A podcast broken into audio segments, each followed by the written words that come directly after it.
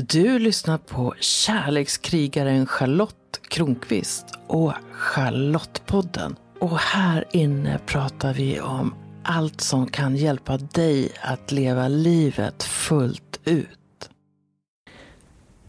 2024. Ja, nu är det dags att vänja sig att säga det. Året är 2024. Och vad kommer det att ha i sitt sköte? Det vet vi inte än. Det jag vet är att det är kallt och att det snöar utanför mitt fönster. Och det skulle jag ju kunna känna tacksamhet över. Och tacksamhet är temat för det här poddavsnittet. Men nu ska det handla om tacksamhet. Jag minns hur jag skrev tacksamhetsdagbok under några år. För mig var det välgörande att samla ihop tankarna efter en dag och fundera på vad jag var tacksam över. Fram till dess hade jag inte reflekterat så mycket på det och kanske tagit mycket i livet för givet. Jag hade svårt att vara tacksam. Svårt att se också det till synes lilla i tillvaron. Med tacksamhetsdagboken öppnade sig faktiskt en ny värld. Mitt pensum var att skriva tre saker varje dag. Och ganska snabbt insåg jag att det inte behövde vara något storslaget. Jag började värdesätta saker på ett nytt sätt. Jag började inse hur mycket det finns att vara tacksam över. Och det parades med att jag blev mer medveten om nuet, om att livet pågår i nuet, att livet inte bara är en strävan efter något eller något som ger mig ont i magen. Tacksamhetsdagboken ledde faktiskt till att livet blev mindre ångestladdat, lugnare, mer tillfredsställande. Jag fick mer ro i kroppen och en del av min oro var inte längre där. Och som en parentes så har jag satt som intention för 2024 att känna mindre oro eller att undvika oro och känna mer ro i livet. Om jag letar i mina gömmor kanske jag kan hitta några av de gamla anteckningarna där jag skriver vad jag är tacksam över. Kanske inte. Men jag tror mig veta att jag efter ett tag kunde skriva saker som Solen skiner idag eller Jag pratade med mamma idag. Det var som att jag fick en ny lins att se världen med. Och världen och livet blev vackrare när den linsen var på. Kanske är det också så att det är lättare att känna tacksamhet när man har gått igenom svårigheter. När man vet att livet är en cocktail som ibland känns bra och som ibland smakar förskräckligt. När jag var barn pågick livet. Det var fyllt av möjligheter. Det var fullt av nu. Något som jag också ser i mina barnbarn just nu som är i den perioden av livet. Nu, nu, nu. Med åldern kom utmaningar och svårigheter. Det fanns tider då jag tyckte synd om mig själv och inte ens kom på tanken att vara tacksam. I retrospektiv kan det ändras. Under den ganska långa period jag var mobbad genom att vara utesluten ur klassgemenskapen kunde jag inte se något att vara tacksam över. Jag var ensam, jag var utsatt och vid ett par tillfällen blev jag utsatt för smockor. Så här i efterhand kan jag märkligt nog också känna stråk av tacksamhet när jag tänker på den perioden. Ensamheten lärde mig mycket. Jag blev en iakttagare. Jag lärde mig läsa av andra människor. Jag tränade min känslighet. Jag lärde mig om mänskliga hierarkier. Jag lärde mig att jag också kan leva ensam. Jag lärde mig att jag kunde leva delvis i böckernas värld. Jag lärde mig att jag gick att avläsa som en öppen bok. Så vissa konsekvenser av att vara mobbad är jag tacksam för idag. Jag minns också hur jag under mina tonår började hata platsen jag levde på. Jag såg jantestämplar i pannan på människor. Jag tyckte många var dömande. Arbetsmarknaden var stängd för en ung kvinna som varken ville städa eller jobba i vården. Den sociala kontrollen var hård. Och det var platsen där tjejer mobbade mig. Det här födde en revanschlusta i mig. Jag skulle visa dem. Jag skulle bli bättre än dem. Jag skulle lyckas bättre än dem. Jag skulle aldrig, aldrig, aldrig böja mig för dem igen. Den här revanschlustan har tagit mig långt. Och intressant nog kan jag vara tacksam för den drivkraft det gav mig. Hade livet varit en räkmacka hade jag kanske inte kämpat så hårt för att ta mig därifrån och skaffa mig ett yrke jag älskade. Jag vet ju inte. Men så här i efterhand kan jag både känna kärlek och tacksamhet till det brukssamhälle jag växte upp i. Myntet har ofta två sidor. Den sociala kontrollen till exempel handlade också om att människor brydde sig om varandra. Och jag lärde mig att umgås i de flesta samhällsklasser utom möjligtvis den förnämsta. Om en liten stund kommer du att få lyssna till kapitel 40 om tacksamhet i min bok 100% Charlotte ta ditt inre ledarskap. Där kommer jag fram till att förlåtelse kan vara ett viktigt steg på vägen mot tacksamhet. Jag behövde titta bakåt i min historia. Förlåta dem som mobbade mig. Förlåta brukssamhällets normer. Förlåta mig själv. Och då kunde tacksamheten långsamt börja spira.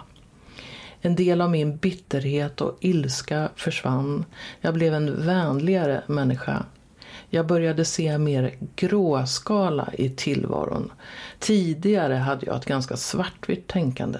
Bra, dåligt, snyggt, fult, smart, dumt, snällt, elakt.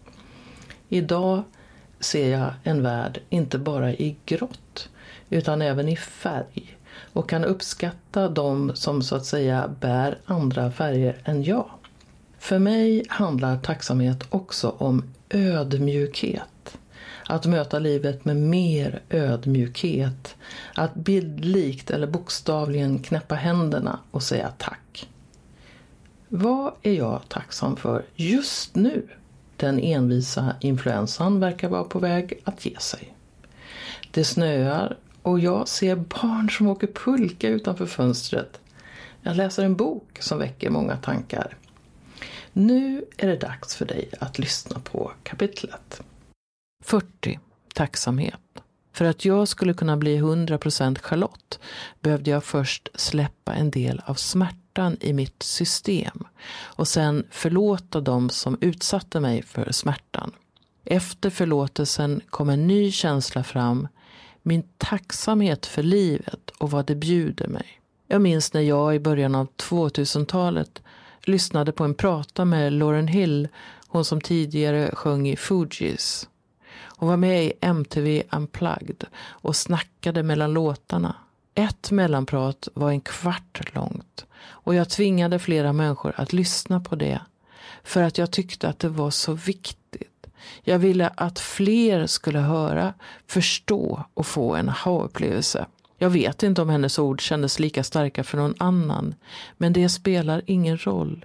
På sätt och vis tvingar jag dem att lyssna på mig, även om jag inte förstod det då. Lauren Hill berättar hur hon kommer hem till sin mamma och säger Hej, jag är Lauren.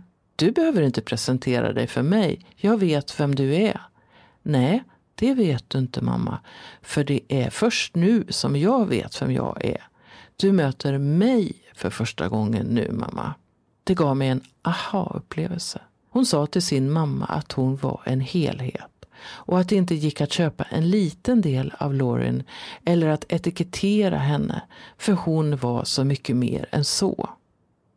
Jag lyssnade upprepade gånger för att jag längtade efter att acceptera mig själv och för att jag hade börjat min inre resa. Jag ville inte längre vara så beroende av bekräftelse utifrån. Jag ville slippa vara så rädd för att göra fel och bli övergiven. Jag hade börjat förstå att jag inte behövde vara perfekt. Men jag hade inte hittat svaret på frågan Vem är jag? Jag var förvirrad och frustrerad.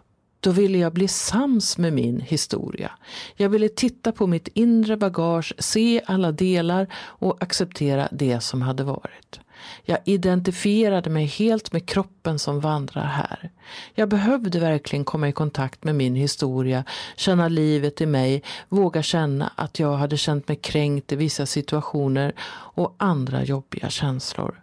Jag behövde våga vara förbannad på dem som hade kränkt mig. Jag behövde göra det för att hämta hem hela mig. Sen kunde jag förlåta. Men utan att ha vågat känna alla känslor och låta dem gå igenom min kropp en gång till kunde jag inte göra det. Jag behövde titta ner i ryggsäcken, tömma ut innehållet och ladda ur känslorna en och en. Jag behövde läka mina sår. Och jag hittar ständigt, fortfarande, sår som behöver läkas. När jag läkt ett lager sår kommer förlåtelsen. Då kan jag förlåta av hela mitt hjärta. Då kan jag känna kärlek också till dem som gjorde något som jag en gång uppfattade som en kränkning. En av mina viktigaste uppgifter är att också vända fokus mot mig själv, titta mig i spegeln och förlåta mig själv.